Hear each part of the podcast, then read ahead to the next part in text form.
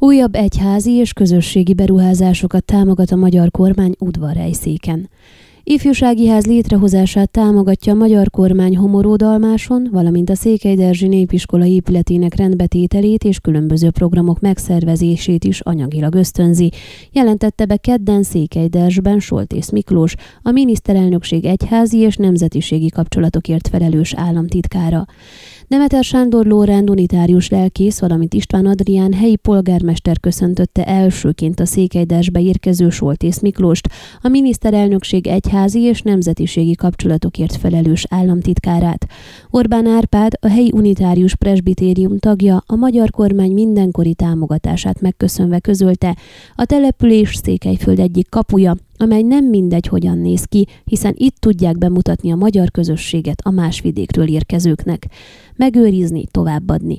Az egyházi és egyéb külhoni beruházások támogatásával a magyar kormány az értékek, ezen belül a magyarság megőrzésében és továbbadásában, valamint az eleink által ránk hagyott erkölcsi keresztény tanítás átörökítésében vállal szerepet, jelentette ki Soltész Miklós, aki egyúttal gratulált a helyi vezetőknek a Székelyderzsi unitárius erőt templom és annak környezetének felújításáért.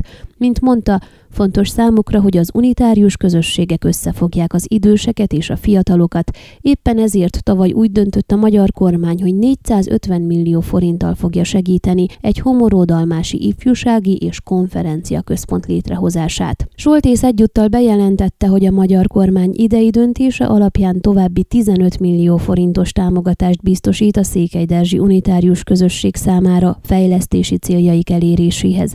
Demeter Sándor Lórend a segítséget megköszönve rámutatott, az összegből a helyi népiskola épületét elsősorban az emeleti részt szeretnék rendbehozni, ugyanakkor különböző gyülekezeti, közösségi programokat is szerveznének betartani az óvintézkedéseket.